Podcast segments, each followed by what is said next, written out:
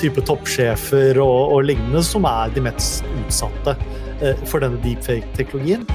Eller eh, i de tilfellene hvor du snakker om eh, politisk manipulasjon eller lignende, hvor man ønsker å liksom skape et eller annet viralt som påvirker folks mentalitet, stemmegivning eller holdninger. Velkommen til podkastserien 'Teknologi og mennesker', laget av Athea og Oslo Business Forum. Har samlet de beste eksemplene på teknologi og digitalisering. Hvordan fikk de det til, og hva kan vi lære av dem? Da er vi tilbake med en ny episode i podkastserien 'Teknologi og mennesker'. Mitt navn er eh, Christian Brostad. Aller først, tusen takk for ris og ros og alles innspill som dere kommer med som, eh, om temaer som dere har lyst til å høre mer om. Eh, nå har vi lagt 2020 bak oss. Andre skal oppsummere året, vi skal se fremover. Så I denne episoden skal vi snakke om teknologitrender for 2021. Vi har med oss eh, også denne gangen eh, fantastiske eh, gjester. Det er Isabel Ringnes, som er gründer av L Quality Check. Og så har vi Magnus Revang, som er Research Vice President i Gartner. Velkommen til dere. Tusen hjertelig takk. Kjempestor stas å få være her.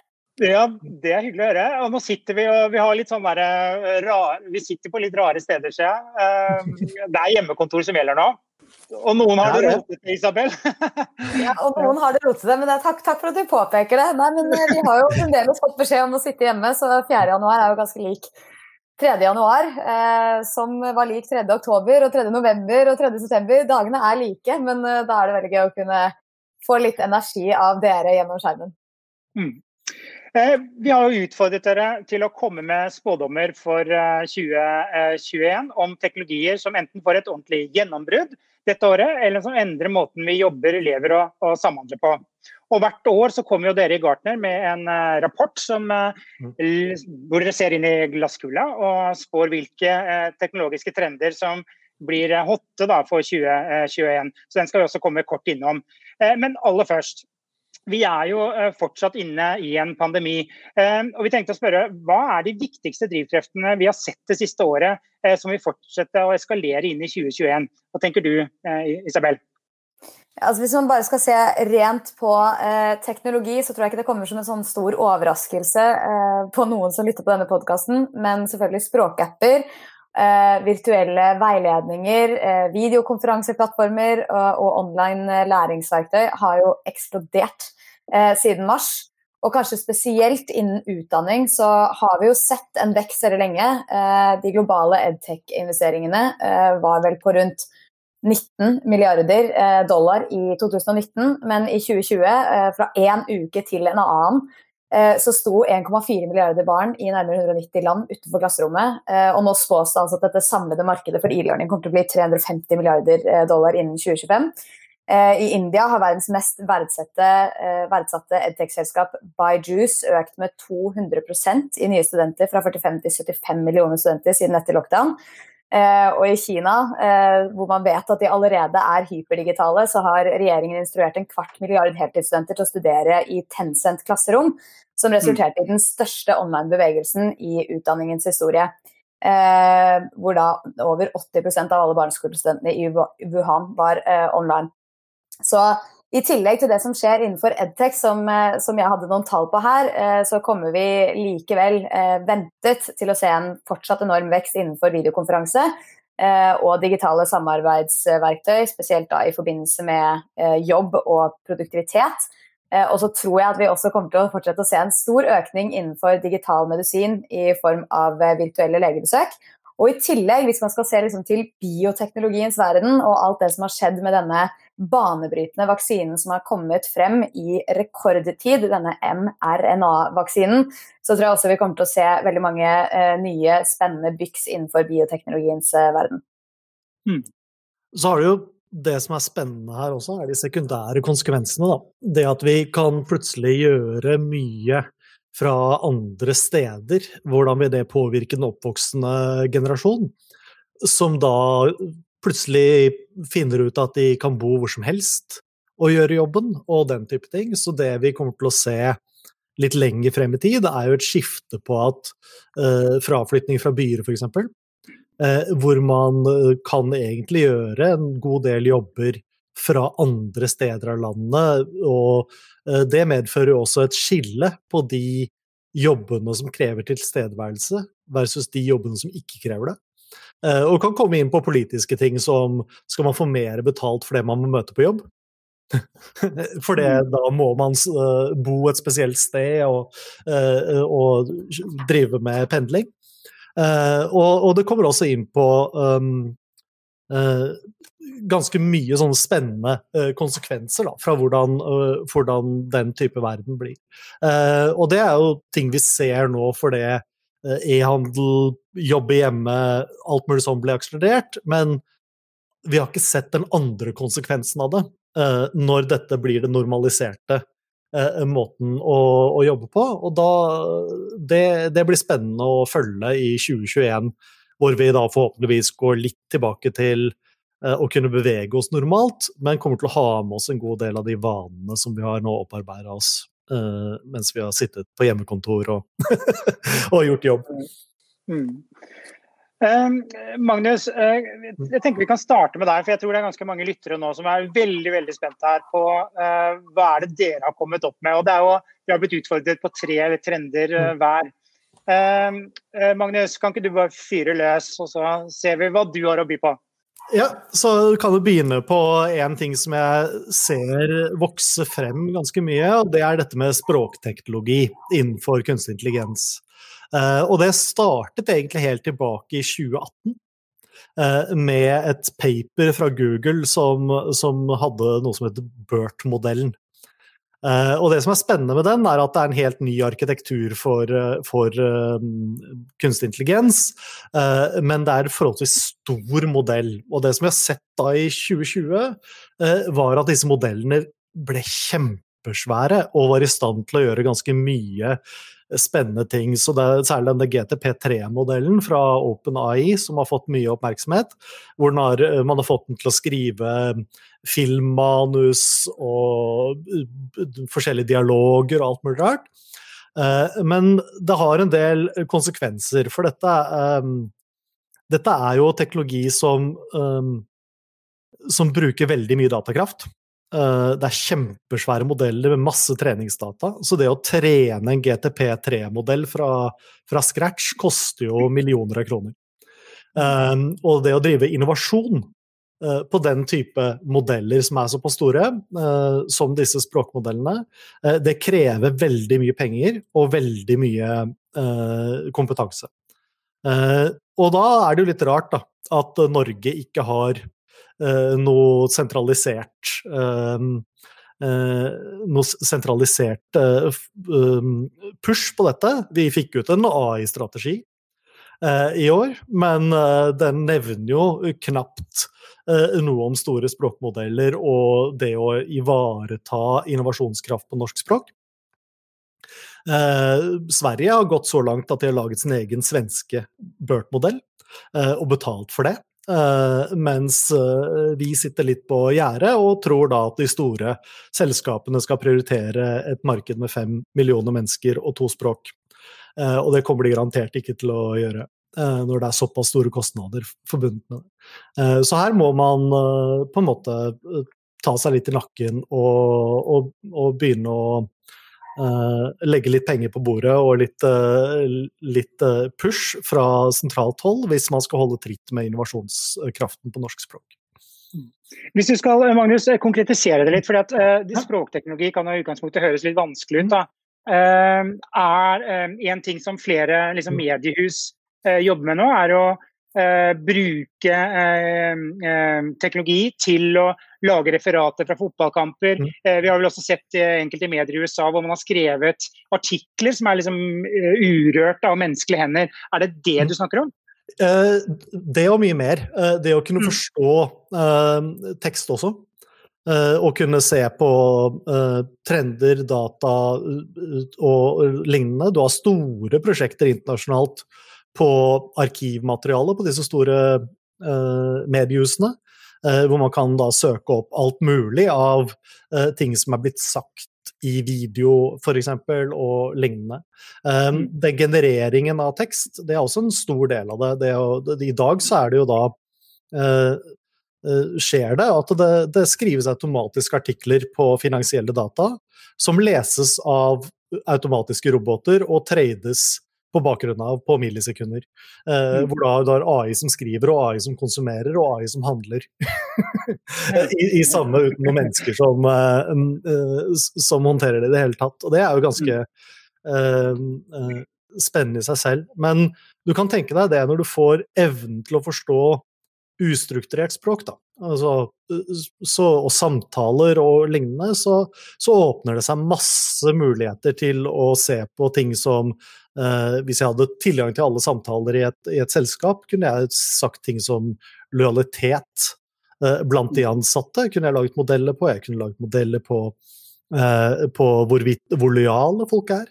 Eh, jeg kunne skapt modeller på hvor, innovative Eh, og initiativrike de var, eh, og den type ting. Og det er klart at det, det, det, skaper jo muligheter. Men det er ikke det at man kan, betyr ikke at man skal. Mm. For det er mye etiske ting bak dette her også. Men, men den teknologien blir mer og mer tilgjengelig. Og det, det er jo for så vidt Eh, noe som er skjedd ganske raskt, men det er disse, disse, igjen disse konsekvensene av at modellene er store, det krever masse data og lignende, har eh, både negative og positive konsekvenser. Mm. Mm. Isabel, hva tenker du? Equality check? Hvis du, skal, du kan utvide med noe språkteknologi der, da, tenker jeg. Jo, absolutt. Så dette høres svært relevant ut for oss. Som, som dere vet, så får jo vi inn Eh, masse kommentarer fra ulike ansatte rundt omkring i, i flere land. Eh, mm. Men det hadde jo vært ekstremt interessant å bruke sånn eh, NLP-teknologi for å kunne se sentimentet eh, over tid eh, hos mm. ansatte i ulike bedrifter, og så kunne rapportere tilbake. For det gir jo en veldig spesiell innsikt. Eh, så jeg har, jeg har, stor tro på dette, og det er mange mulige scenarioer som man kan bruke det. Jeg husker det var et bord eh, som man diskuterte i New York Times for en stund tilbake, fordi den strategien deres kom ut dette er mange år tilbake, da. men hvor det var et bord som tok eh, automatisk referat fra alle møtene som de hadde. Eh, og at man da banket i bordet når det var viktige poenger som skulle frem, eh, som da liksom kom opp som sånne bullet points. Eh, og så vet jeg jo at denne teknologien har blitt snakket om lenge, og det er som du også påpeker, Magnus, mange store globale prosjekter. Uh, og jeg er litt sånn spent på, uh, og kanskje du har helt rett, da, uh, når det store året blir for Norge for, for NLP? Mm, det, det, som er spennende, er jo det at vi, når vi går over til mer videokonferanse, så blir jo mer og mer tatt opp også. Mm.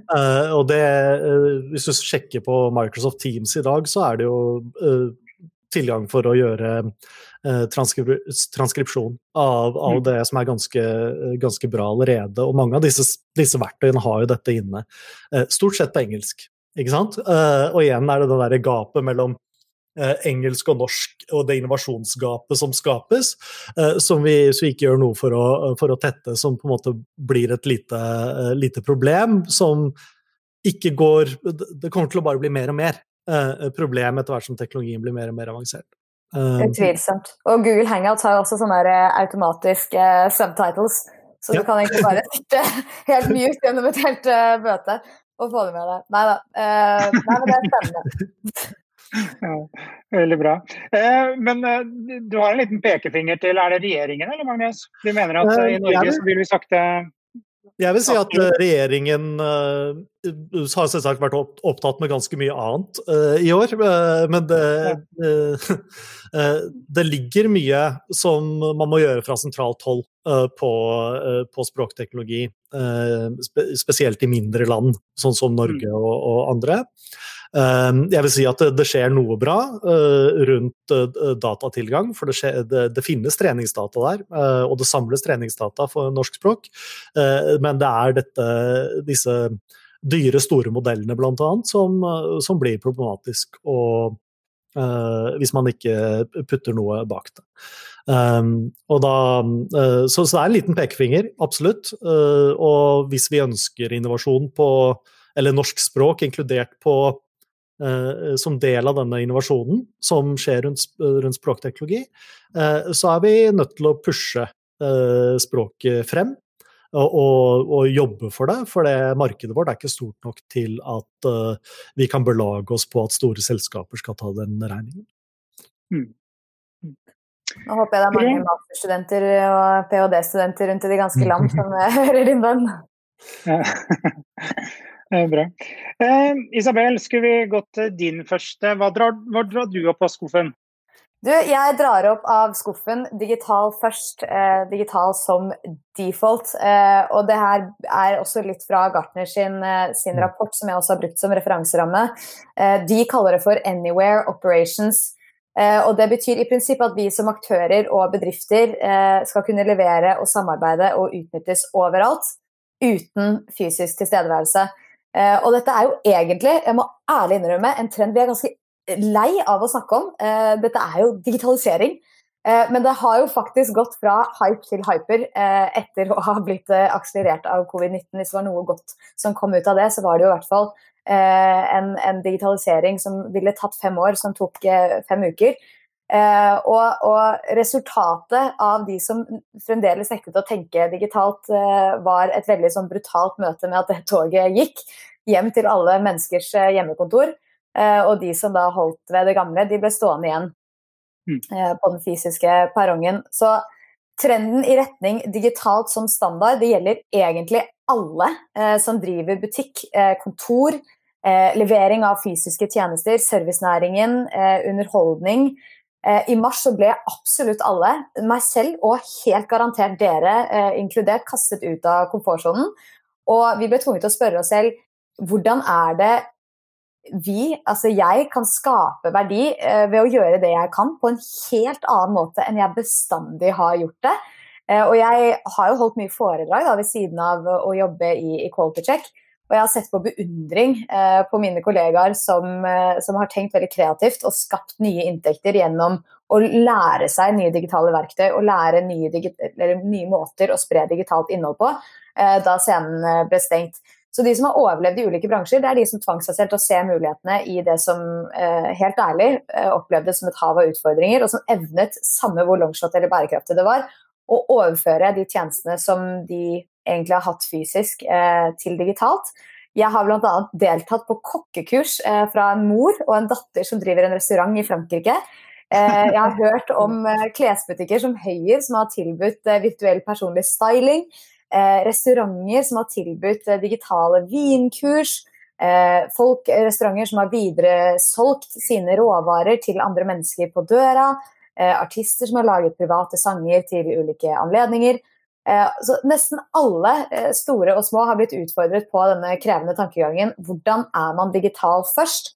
og hvordan kan vi være til stede uten å være til stede. Og I denne digitale standarden så ligger det også veldig vesentlige spørsmål. Som hvordan bevarer vi sikkerheten? Hvordan bevarer vi personvernet? Eh, hvordan er vi sømløse samtidig som vi optimaliserer samarbeid gjennom å være skybaserte? Eh, hvordan vi har kontinuerlig og smidig kommunikasjon, og hvordan vi klarer å analysere for å hele tiden bli bedre. Eh, og denne mentaliteten det har jo gitt næring til alle disse sektorene, som ikke bare var en trend før covid-19, men som er blitt akselerert, som jeg da gikk gjennom i spørsmål nummer én. Eh, men kort oppsummert så tror jeg at vi kommer til å fortsette å finne eh, nye måter å være til stede for kundene våre, for studenter, for pasienter, eh, for ansatte, egentlig de fleste, uten å være fysisk til stede. Og så er det veldig også viktig å påpeke at dette på ingen måte må misforstås med at det fysiske forsvinner. Det er mer at det digitale flyter i større grad inn i det fysiske enn det det gjør i dag, eller det det gjorde for et år siden. Eh, så fra et konsumentperspektiv da, i en fysisk lokasjon så kan det f.eks. være at eh, vi sjekker inn digitalt, vi betaler digitalt, det er oppfølging digitalt, det er kvitteringer digitalt. Ting som allerede finnes, er ikke revolusjonerende, men det bare blir mye mer utbredt. Eh, og så blir det kanskje mer populært at ting er kontaktløse, fordi vi er blitt mer oppmerksomme på bakterier og på smittevern og den typen ting. Og det er kanskje først gjennom litt sånn aktive handlinger, men så gjennom total søvnløshet. Og jeg tenkte på en litt sånn banalt eksempel. Eh, veldig få år siden så måtte du faktisk ut med kronestykker for å betale for parkering. Eh, du måtte gjerne finne en butikk og veksle inn en eller annen seddel for å kunne få femkroninger eller tikroninger eller et eller annet sånt for å kunne stå der i en times tid. Mens i dag så har jo de aller fleste i hvert fall eh, parkeringshus i Oslo at du bare kjører inn, og så registrerer bilnummeret, så kjører du ut igjen, og så, så tar det automatiske trekk fra kortet ditt. Og jeg tror at denne sømløsheten kommer vi i større grad til å se i butikker, eh, tilsvarende det som f.eks. Amazon har, eh, gjennom sin Amazon Go-butikk, som er fysisk, men som også er totalt digitalt egentlig først. Så innenfor utdanning så tror jeg at det kanskje blir mer personalisert læring utenfor klasserommet og mer samarbeid i klasserommet. At vi snur den modellen kanskje i større grad opp ned. For man har sett verdien av det å ha personalisert læring eh, som på en måte går på at altså disse, denne maskinvaren kan hele tiden finne ut av hvor du står i forhold til alle, alle andre studenter. Eh, og i medisin så tror jeg det blir mye mer oppfølging digitalt. Eh, og litt sånn som tilbake til det som du snakket om, Magnus, med hvordan språk, eller hvordan maskiner kan lære å lese språk. Hvis det klarer å komme seg inn i medisinverden, så vil det frigi enormt mye tid for leger i forhold til papirarbeid, og gi dem mye mer tid til å følge opp pasientene sine, kanskje mer virtuelt enn fysisk, eller kanskje begge deler. Eh, men i hvert fall så er det fysiske veldig viktig, og det kommer ikke til å forsvinne. Eh, men jeg tror at istedenfor å tenke på digitalt som et slags nice to have, et tilskudd, så tror jeg det digitale blir fundamentet, og det fysiske blir eh, supplementet. Så jeg tror vi i større grad etter 2020 og inn i 2021 kommer til å ha snudd den modellen litt opp ned. Mm. Jeg er helt enig uh, i det, og jeg var litt sånn nitrist, egentlig. Uh, jeg holder også masse foredrag, um, så jeg holdt et uh, foredrag over video nede i, i, Østerrike, på noe som heter Albach, rett etter sommeren. Og, og, da var det en hybrid fysisk virtuell konferanse. Men det betyr at de fra Østerrike, som var i paneldebatten jeg var i, de var jo fysisk. I en sal som var tom, med uh, tilskuere på nett, og så var jeg der på, uh, på skjerm. Og det å være i en paneldebatt som eneste på skjerm og skulle ta gruppebilde etterpå Vi står foran skjermen. Det var egentlig ganske nitrist. Uh, men det er jo noe vi opplevde, var jo at vi hadde ti ganger så mange deltakere på konferansene våre når de ble virtuelle. Og det syns jeg er et viktig poeng med digitale businessmodeller, er ofte at en del begrensninger blir borte.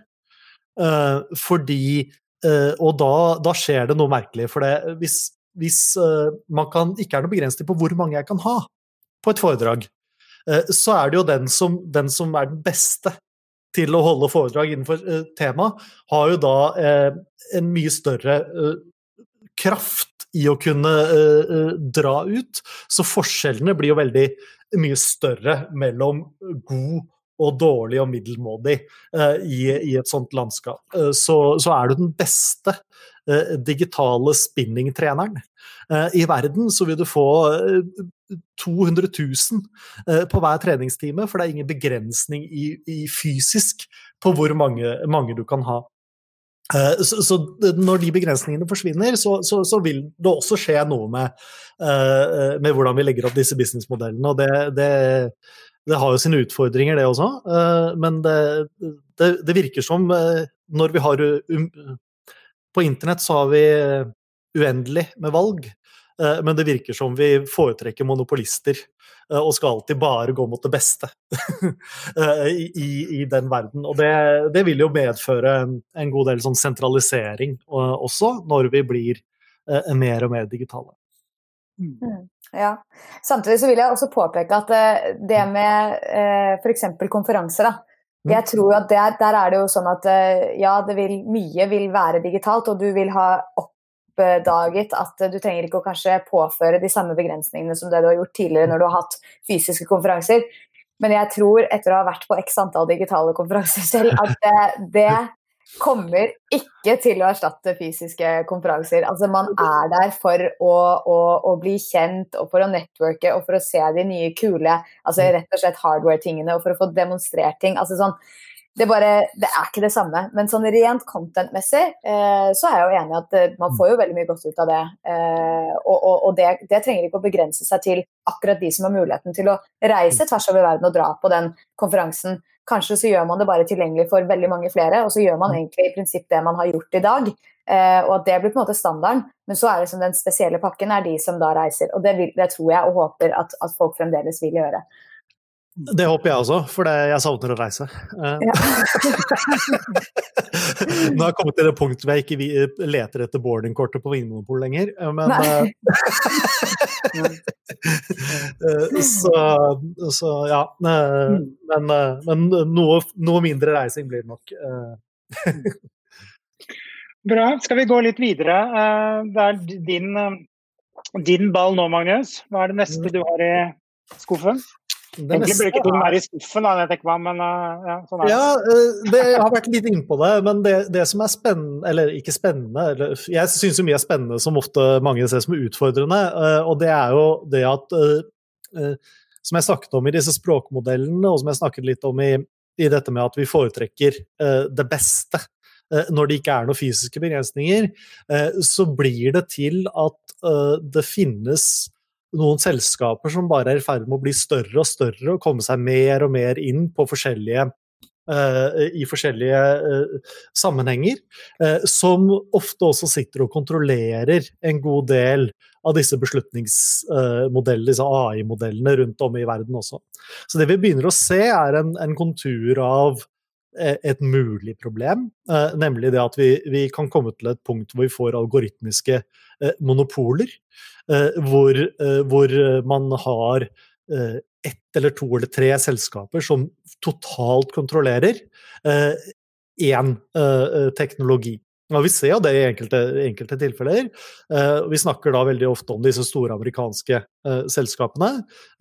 Men i 2021 kommer vi også til å se mye av de kinesiske Eh, Alibaba, Baidu, Tencent eh, eh, som de, som de, tre største. Du nevnte jo Tencent allerede, Isabel, i, i, i dette e-læringstingen i India. Og, og, og de, de, kjøpte jo også Funcom i Oslo i var det, var det 2020 eller 2019? slutten av 2019. så, så vi er ikke forskånet for det selv i Norge. Eh, men det, det som er eh, utfordringen, er jo dette at eh, de ofte har en businessmodell som er veldig digital og veldig replikerbar. Som gjør at de vil kunne utkonkurrere på verdensbasis alle mulige lokale aktører for det tilbudet er, er globalt. Og det, den type sentralisert makt på noen få selskaper, eller algoritmisk makt eller algoritmisk monopol, blir, blir, en problemstilling vi kommer til å møte mye mer i 2021 og fremover. Og det er, det er, ikke udelte positive ting ved det, det er masse utfordringer også. og, og igjen så blir det, blir det veldig mye snakk om EU, USA og Kina Uh, om hvordan de uh, driver og regulerer. Når de rasler de med sabelen overalt mm. uh, for, for, dette. og så får vi se hvordan det, det utarter seg. men det må nok Det må nok en del kameler svelget overalt, både, både, på statlig nivå på, og hos disse selskapene, for at man kunne komme til, komme til enighet om hva, hvordan ting burde være.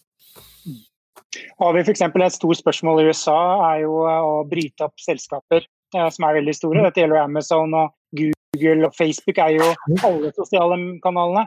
Eh, er det behov for det, Isabel? Tenker du at det er greit at de er så store, eller må, må det gjøres noe fra myndighetenes side? Nei, jeg vil si at det definitivt bør gjøres noe. Nå er det jo en stor sak mot Facebook hvorvidt de skal skilles fra Instagram og, og WhatsApp. Uh, og, og altså, jeg mener ikke at du skal være et geni for å forstå at det er aldri en god idé at en, et selskap har så enormt mye makt. Dette er milliardevis av brukere som, som, de har på sine servere og i, altså styrer egentlig mer og mer da, av, av, de som ikke har sett The Social Dilemma enda, eh, så ville jeg gått innom og sett den på Netflix, eh, hvor man eh, på en humoristisk måte forstår eh, hvilken makt de egentlig sitter med til å manipulere oss på, eh, på et underbevisst nivå. Eh, Eh, og, og, det blir kanskje enda tydeligere for alle som ikke har et forhold til det i dag, hvor viktig det er at ikke eh, veldig få personer sitter med så enormt mye makt. Og Der kunne jeg jo også dratt inn det som har vært mitt engasjement over lang tid, hvor viktig det er at vi har mangfold i teknologiverden. Eh, sånn at det ikke sitter en homogen gjeng og bestemmer på en måte algoritmene eh, mm. og, og, løsningene eh, og valgene som skal tas på, en måte på vegne av en befolkning som ligner svært lite på dem selv. Så 100% enig i det. Mm. Eh, ja, vi har faktisk en podkast om det også, om uh, hvor uh, biased disse algoritmene kan være, og hvor feil det kan slå ut. Men det, det, det, det, vil jo alltid, være biased. men, men en, av, en av måtene å, å, å, å, gå, eller få mindre bias, er jo det å, å skape mest mulig um, Altså flest forskjellige typer mennesker samlet uh, for å jobbe med, uh, med, den type data og skape den type data. Da. Men du vil aldri komme til et punkt hvor det, er, uh, hvor det ikke finnes noe bias i, i data. Det, det, det, vil alltid være der. Um, så kan man si at det, liksom, det, er bias vi vet om og bias vi ikke vet om, bias som har uan, uante konsekvenser og bias som har kjente konsekvenser og den type ting. Så du kan, du kan brekke det ned til på en måte modeller for hvordan, hvordan leve med det. Uh, men, uh, men, i bunn og grunn så, så, er det uh, Vi kommer nok til å snakke mye, mye om det også. Og, og, for å dra det litt tilbake da, til det at det sitter på, på få hender, er jo det at hvis det kommer frem en feil. Ikke sant? Det, det er greit nok at algoritmen er 99% sikker, men det er ikke så kult å være den ene prosenten. Eh, som, som, aldri blir uh, tatt av ansiktsgjenkjenningen, eller alltid blir, uh, bli, blir, tatt for å være en annen, eller ikke sant? Uh, lignende. Fordi plutselig så er du den outlieren som, som, som ikke passer inn. Uh, og det er den, den, type ting som et mangfold også i algoritmer vil gjøre at det var et mindre problem. Uh, mens når det ikke blir mangfold, så, så, så vil det uh, for 99% ikke ha noe forskjell, men for den ene prosenten som på en måte faller utenfor, eller som blir feilevaluert og lignende, der vil problemene ligge. Mm. Det blir spennende å følge mm. dette fremover og se hva, hva myndighetene og politikerne gjør. Da. Nå har de tydeligvis våknet, som du sa, Magnus. Skal vi gå videre, eh, Isabel, og, og snakke om din andre trend? Absolutt. Da skal jeg trekke dere inn i eh, det som jeg syns er et eh, ekstremt spennende og samtidig ekstremt skremmende konsept, nemlig deepfakes. Dette ble snakket om egentlig første gang i 2017, sikkert før det òg, men det var da det fikk hype. Eh, det var en person på Reddit eh, som eh, da hadde manipulert en kjent kvinnelig filmstjernes ansikt på kroppen til en pornostjerne. Som selvfølgelig opplevdes som veldig invaderende, som man jo kan forstå. Jeg fikk jo beskjed av deg Christian, på forhånd å forklare disse begrepene. Deepfakes, ordet er en kombinasjon av deep learning og fakes. Og det er rett og slett falske videoer og lydopptak Eh, er mer eller mindre hvem som helst kan bli digitalt manipulert til å si eh, noe de aldri har sagt, et sted de aldri har vært. Eh, og det gjøres ved bruk av maskinlæring, som er en avart av kunstig intelligens som lar maskiner selv utvikle ferdigheter basert på store mengder data. Og når man utvikler deepfake-videoer, så lar man en maskin lære av store datamengder bilder og video som gjerne ligger tilgjengelig på nett. Og når algoritmen da har lært å kjenne igjen en persons ansiktstrekk eller stemme, så kan man plassere eh, eller lime ansiktet til personen man har lyst til å manipulere, eh, på en person som sier noe helt annet, eh, og da selvfølgelig gjerne noe de aldri ville sagt. Og Allerede i november 2019 så skjedde dette for første gang med veldig alvorlige konsekvenser. Det var en leder i Storbritannia som ble lurt til å overføre over to millioner kroner til en bankkonto i Ungarn etter at vedkommende var blitt overbevist eh, om at de hadde snakket med sin tyske sjef på telefonen. Den tyske sjefen ba innstendig flere ganger om at vedkommende måtte overføre disse pengene. Eh, og det var en såpass eh, liksom, spesiell aksent eh, at vedkommende trodde på det. Og det var jo selvfølgelig da i virkeligheten manipulert stemmeteknologi, og de, alle de pengene var eh, forsvunnet. Eh, og hvorfor jeg mener at det er en trend som er viktig å trekke frem i 2021, det er fordi at den verden som vi nå lever i, er så preget av usikkerhet og volatilitet. Og, og, da er vi naturligvis mye mer mottagelig for nyheter som egentlig virker helt bisarre og som overrasker, og kanskje til og med har vi en slags bekreftelsesbias som, som, leter etter den type nyheter, litt sånn avhengig av hvem vi er og hvor, hva vårt politiske ståsted er. Uh, og denne teknologien er veldig allment tilgjengelig, den utvikles veldig veldig raskt. Uh, og den er nesten umulig å identifisere. Det finnes tester du kan ta på nett hvor du eh, ser to videoer opp mot hverandre og skal gjette hvilken som er manipulert og ikke manipulert. Det er tilnærmet umulig. og Det betyr da, at det i større grad blir mye enklere å spre falske nyheter og skape alvorlige situasjoner. som å f.eks. få politikere til å si ting de aldri ville sagt Eh, man kan bruke det for å manipulere børsen. Man kan lure andre mennesker på et privat og forretningsmessig plan ved å utgi seg for å være alt fra et familiemedlem til da en sjef, som vi var inne på. Og mm. selvsagt betyr det også enorme utfordringer i form av seksuell trakassering på eh, nett. Eh, 95% av alle deepfakes på internett i dag er pornografiske manipulasjoner som mm. eh, rammer folk som ikke har gitt noe samtykke. Så hvis jeg skal avrunde raskt, eh, så vil jeg at idet vi, vi går inn i 2021 gjøre folk oppmerksomme på det. Eh, og spørre seg selv når man ser noe på nett. Eh, alltid spør deg selv er kilden troverdig uansett. Eh, hvis du syns den virker slik, skriver og deler andre nyhetsbyråer om denne saken. Virker det som at personen som sier dette her, ville sagt noe sånt nå? Eh, og i den grad det er mulig, se etter alt du kan i forhold til uklarhet ved munn, hårfeste hals, noe som helst robotlignende. Og aldri del noe videre før du er helt sikker. Det er gode råd. Um, det er faktisk Deepfakes er også en av våre hoved, uh, hovedtrender. Mm, og vi har en del uh, Etter å ha analysert dette her, så har vi en, en sånn prediction som kommer ut uh, faktisk i dag. Hvor vi, hvor, vi, ser på dette. og en av de tingene som vi har funnet ut, er jo at bare 70% av deepfakes kan, kan oppdages selv ved bruk av algoritme som er spesialisert for å oppdage deepfakes. Uh, så, så, så det, det, er liksom ikke Og mennesker er jo enda dårligere uh, på å oppdage det enn maskiner. Så, så det, dette, dette, er jo uh, veldig, veldig skremmende sånn sett. så det vi spår, er rett og slett at, at innen et par år 2024 har vi, vi satt, da. Så vil det komme lovgivning. Vi antar at vi kommer i EU først. Eh, som krever de som har laget teknologi som kan lage mennesker og stemmer og den type ting. Eh, og i tillegg til å komme med den teknologien, så må de ha en måte å verifisere om det er en fake eller ikke. Eh, sånn at det, de, de ikke blir lov å lage teknologi som kan generere fakes, uten at du har en, en, en, måte for å detektere det, en tilsvarende algoritme for å detektere, uh, uh, samtidig. Og så kommer selvsagt folk til å da bare flippe bildet og gjøre sånne, sånne, enkle ting for å lure dette her, så det kommer til å bli litt sånn der klabb og babb i starten.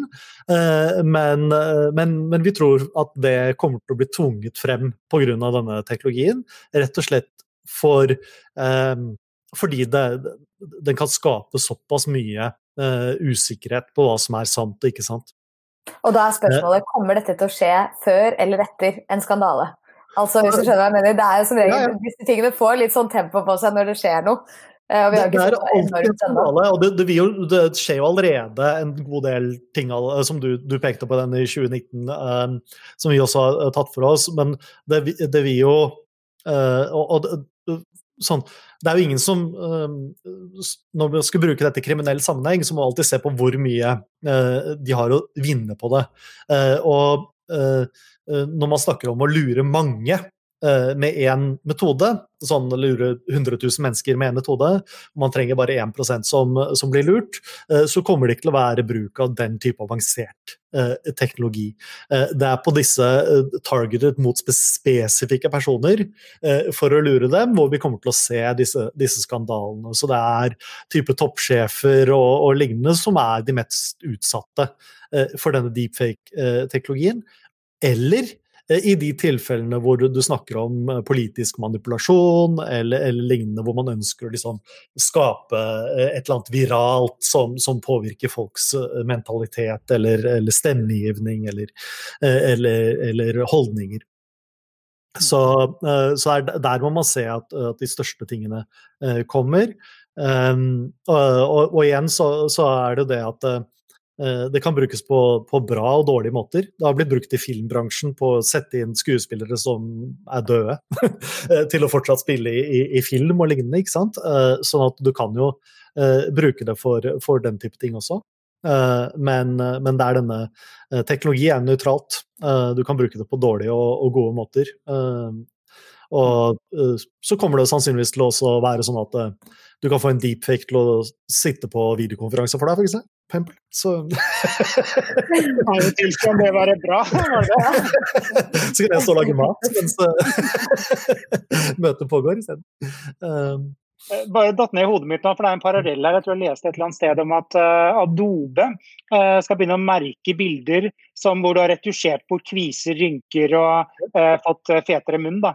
så det er noe av parallellen. Så det er mulig å gjøre noe her, da. Uh, ja, selv om teknologi i utgangspunktet er nøytral. Mm. Eh, Adobe hadde for et par år siden teknologi som gjorde at kunne, du, du kunne bare klippe og lime hva du sa, og få deg til å si ting du aldri hadde sagt før, eh, med mm. bare 20 minutter treningsdata fra, fra opptak fra deg. Så etter denne podkasten kunne de få meg til å si hva som helst. ikke sant? Uh, og, og det, den kom jo med en algoritme for å, for å også finne ut at det var generert. Uh, fordi det var såpass det hørtes såpass ekte ut uh, at, uh, at, det måtte de. Mm. mm. Dette kan vi jo snakke om også i timevis, eh, men jeg tenker vi, må, vi har to sånne trender igjen her. Nå er det vel mm. din tur, Magnus. Hva er den siste ja. trenden du legger på bordet? Det er litt relatert til deepfakes, men det er et litt, litt større perspektiv, og det er det som heter generativ AI. Og det er jo å få kunstig intelligens til å lage ting som, som ikke nødvendigvis uh, har, uh, har blitt, uh, blitt, oppstått. og dette er jo sånn artig ting, for det generative AI brukes i dag f.eks. i bilbransjen på å finne aerodynamiske former for biler. Det brukes eller den ideelle måten å lage en antenne i elektronikk, eller den ideelle måten å lage en sykkelramme på. Uh, hvor man bruker generativ AI for man egentlig sier at dette er egenskapene jeg vil at produktet skal ha. Lag det. Uh, og, en av de største aktørene i verden på dette er jo AutoCAD uh, i USA. og de kjøpte faktisk et norsk selskap for 240 millioner dollar i november, som heter Spacemaker. som driver med å bruke AI for å finne utnyttelse av byområder. Uh, internasjonalt. Uh, så der har vi uh, faktisk et, et, godt miljø og en, en, en, banebrytende organisasjon i Norge som har gått under radaren på det aller meste. jeg har knapt sett en journalist rapportere oppkjøpet.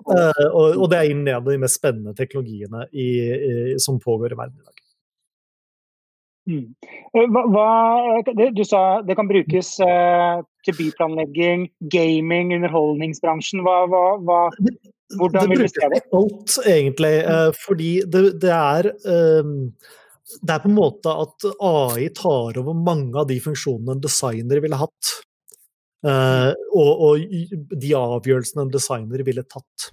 Eh, så, så innen ingeniørkunst for eksempel, så brukes det på at man definerer hva slags, hva slags utfall jeg skal ha. Hvordan skal, det, hvordan skal det oppføre seg når det er ferdig?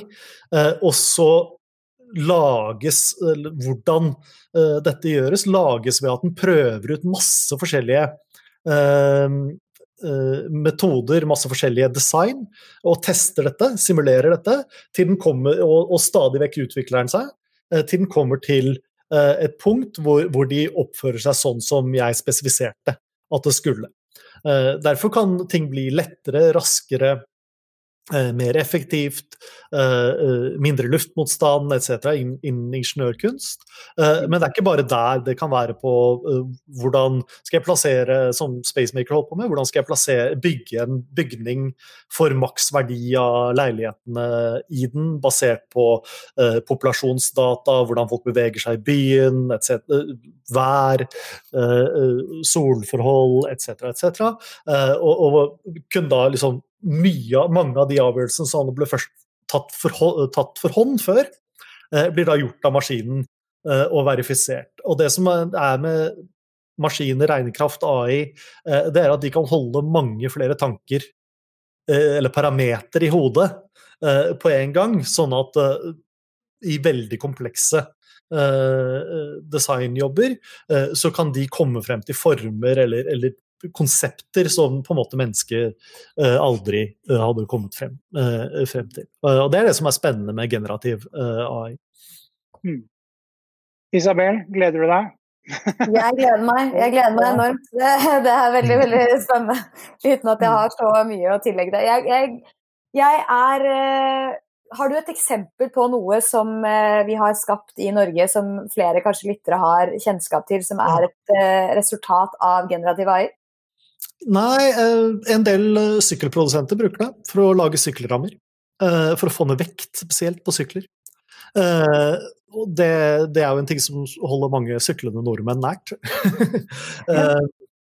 ja, men da lurer jeg litt på, fordi nå kjenner jo ikke jeg alle sykkelrammer, men er det For man skulle jo nesten tro at når man bare gir en sånn type programvare et mål og fjerner begrensningene, Eh, I form av at sånn, du, du, du, må gjøre det sånn og sånn og så stort, og det, men du sier bare at dette er det du skal.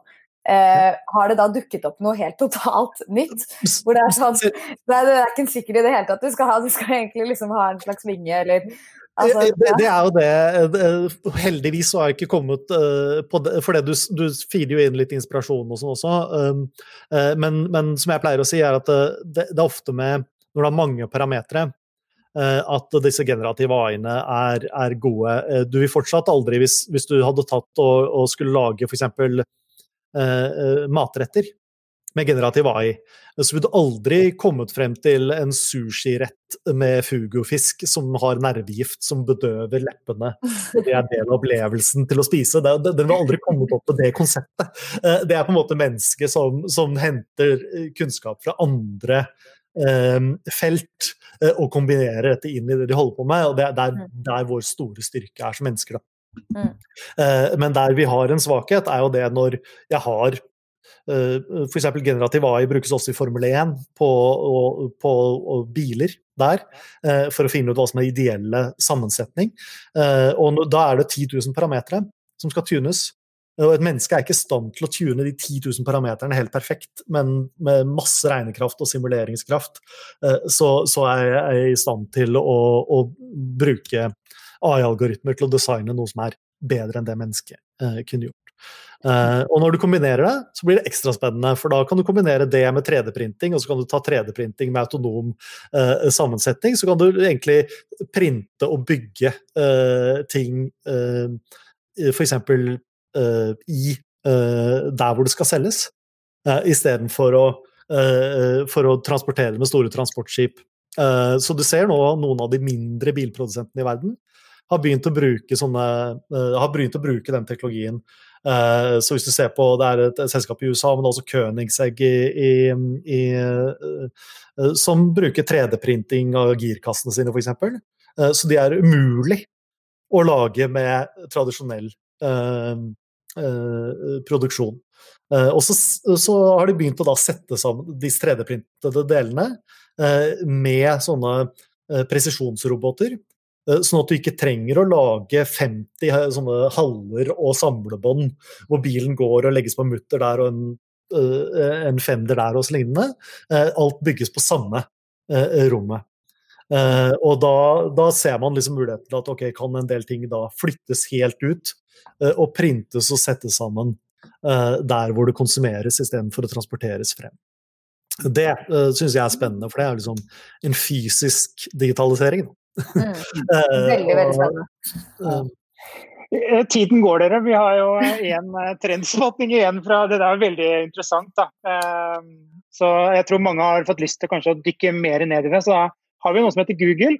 Eh, så det er bare å skrive inn et tema der, så finner man mer om det.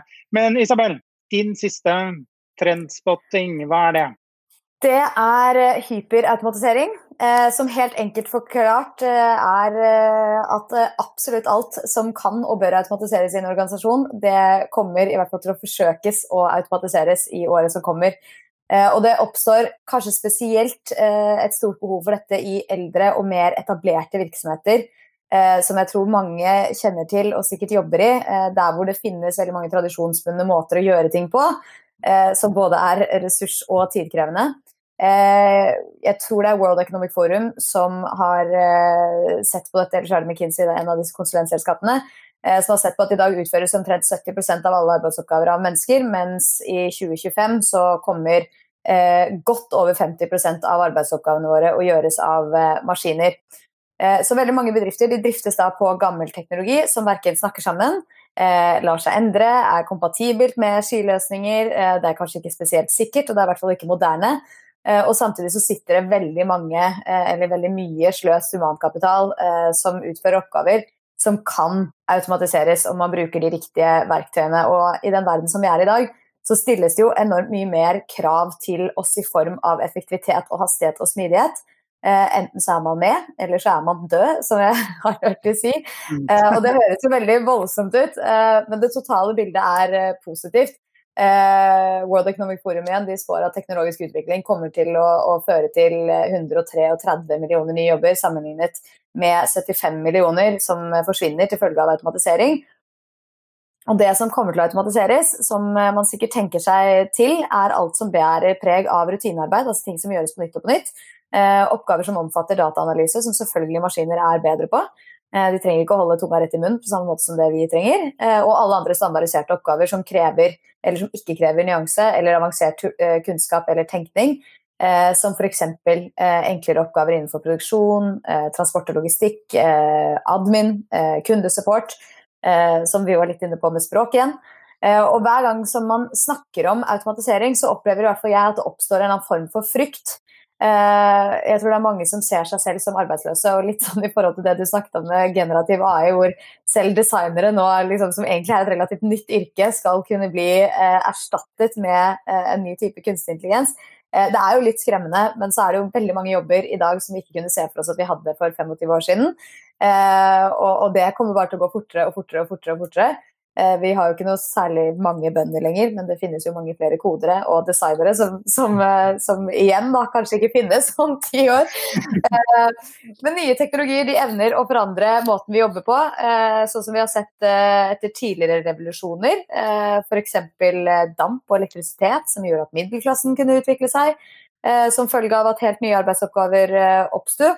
Men jeg tror at den trenden om hyperautomatisering eh, den, den, den, bærer med seg mer potensial, og den går potensielt mye raskere fordi den marginalkostnaden ved å skalere en algoritme som effektiviserer én prosess i én bransje på, ja, i en landsdel, er tilnærmet eh, null.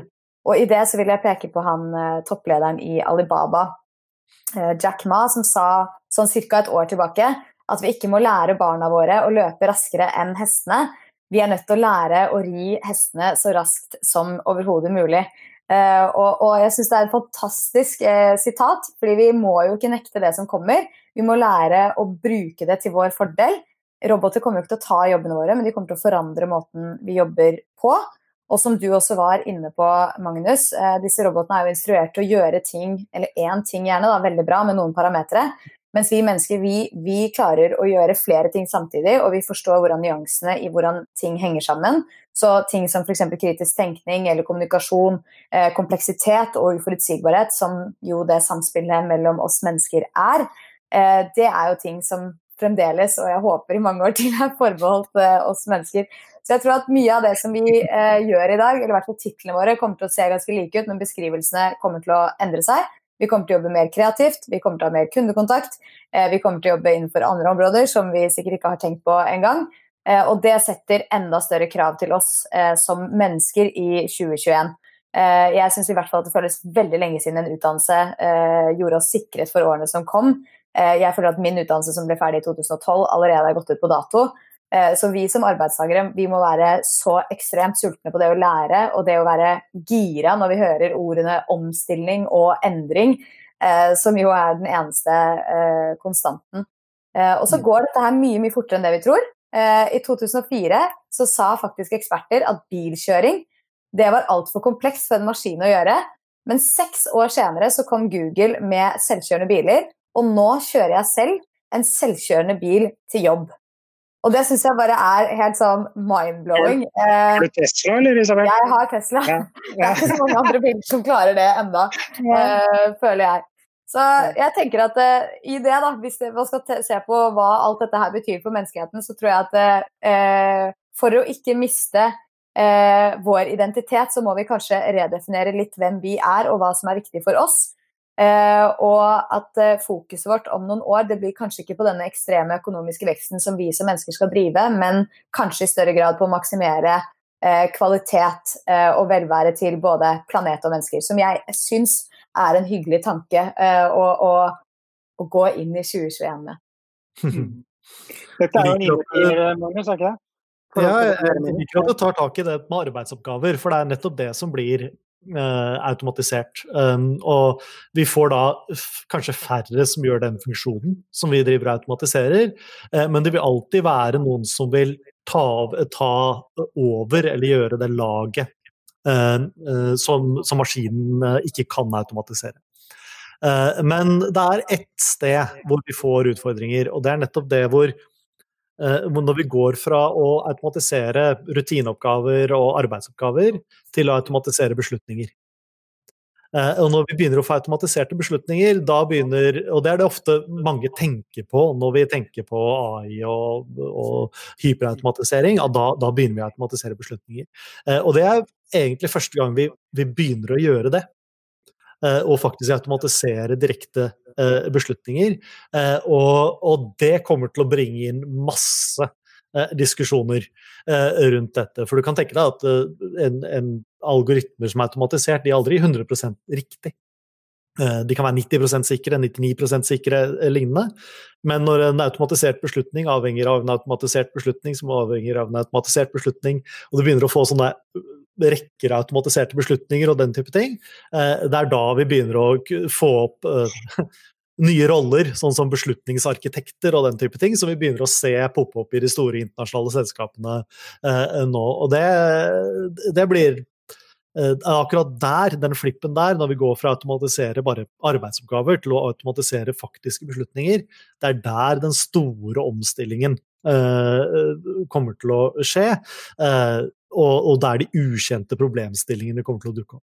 Um, og Det er faktisk interessant dette med beslutningsarkitekter. Eh, for det finnes jo en del sånne open sourced uh, ulike prosjekter som man kan delta på som uh, vanlig person, hvor du egentlig hjelper å lære opp ulike algoritmer til å ta uh, de valgene som vi selv mener er riktig. Et klassisk, veldig, veldig klassisk eksempel på dette her er jo selvkjørende biler.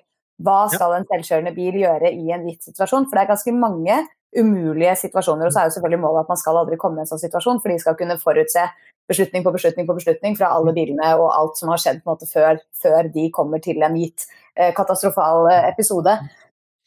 Men der er det f.eks. Eh, jeg tror det er et universitet ved Canada, jeg er sikker på at det kommer opp hvis man googler det, hvor, eh, hvor du blir eh, presentert med masse ulike scenarioer.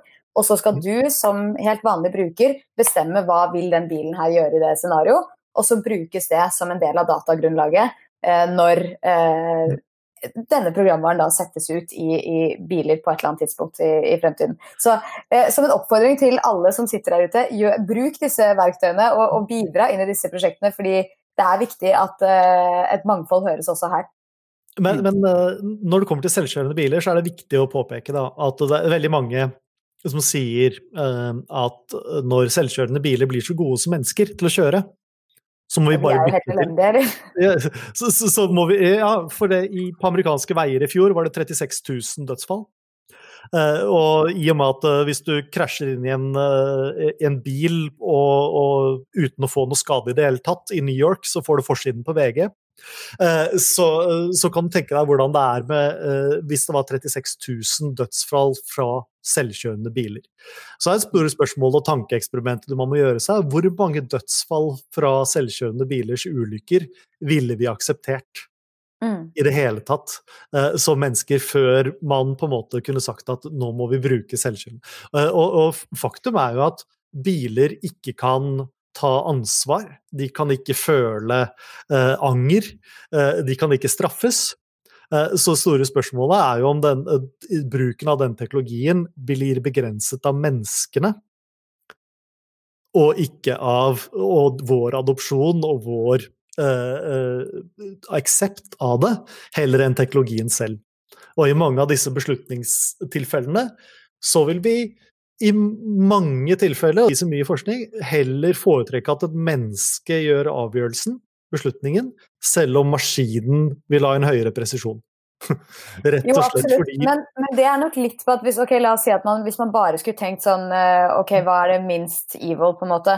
36 eh, 000 mennesker dør av eh, mennesker som kjører. 34 000 dør av selvkjørende biler som kjører. Eh, der er det jo en mye større tilfeldighet eh, lagt i hvem er det som endte i den defekte bilen, på en måte. Eh, versus i disse bilulykkene som skjer, så er det jo dessverre da, som regel folk som da har tekstet eh, mens de har kjørt, det må dere aldri gjøre, kjære lyttere, eh, eller ikke sant, fyllekjørt, eh, gjort andre uoppmerksomme ting hvor man egentlig på en måte sitter med et visst ansvar selv.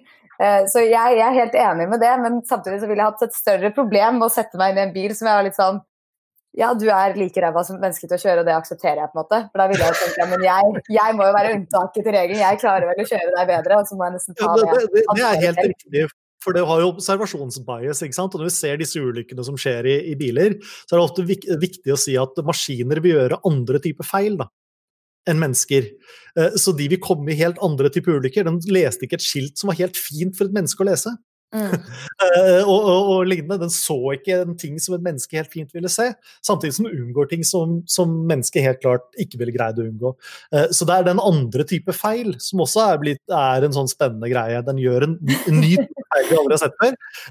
Og, og der, da, kommer vi igjen inn på hvor, hvor, hvor gode må disse maskinene som gjør beslutninger for oss, være før vi faktisk vil akseptere dem. Og det tror jeg eh, vi vil komme til svar i noen tilfeller hvor de må være tusen ganger bedre enn menneske mennesket før, før mennesket faktisk aksepterer å overlate til maskinen å gjøre avgjørelsen. Eh, og det er spesielt innen helsevesen og, og ting vi er vant til å gjøre, selv som bilkjøring, eh, så, som jeg tror dette kommer til å eh, dukke opp. Og det, det, og psykologi, menneske mot maskin, det, det, er kanskje den siste trenden.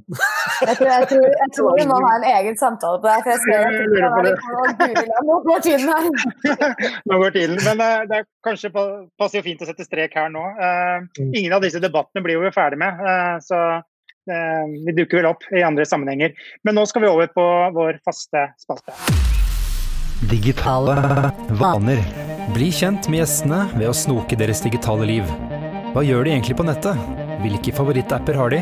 Er det streaming eller linær-TV som gjelder? TikTok eller Snapchat? Vi spør i Teknologi og mennesker.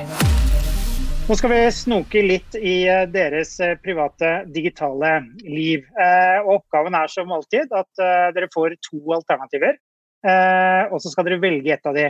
Og så er det ikke lov, det er strengt ulovlig, å finne på et tredje alternativ. Så her må man altså velge. Eh, forskning viser for øvrig at folk vil ha færrest mulig valg, da, så dette er jo en innertier i forhold til det. Jeg skal vi begynne med deg, Isabel? Ok. Digitale eller fysiske møter?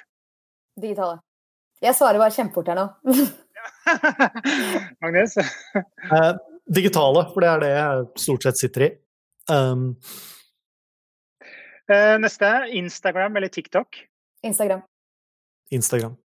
Jeg har ikke TikTok. Er du på TikTok, Isabel?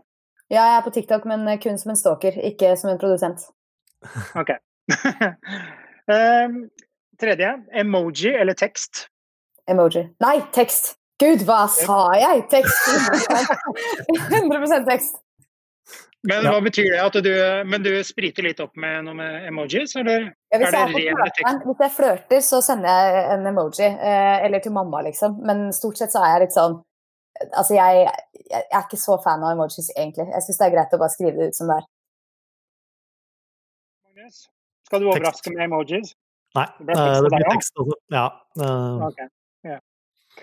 Det siste. Eh, ringe eller sende meldinger? Sende meldinger.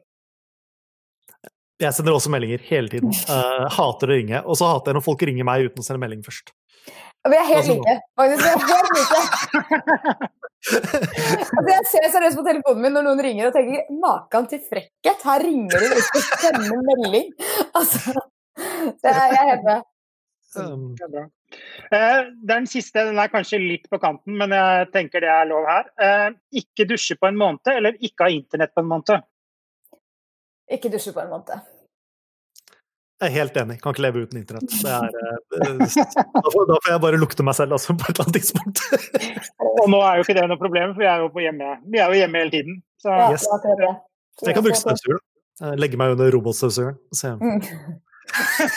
Har du Roborock, eller? Hm? Jeg Har eh, jeg har en sånn robotstøvsuger, men den er litt sånn Egentlig litt eh, krisemaksimalist, eh, for det, jeg har et eh, mørkt teppe på et lyst gulv. Og når den kommer på kanten av det, så er ofte sender den meg melding om at den måtte stoppe opp, for den er på kanten av et stup. Oh, ja. Nei. Eh, det var ganske Første gang jeg hadde den, så, så stoppa jeg bilen og kjørte hjem for å redde den. For...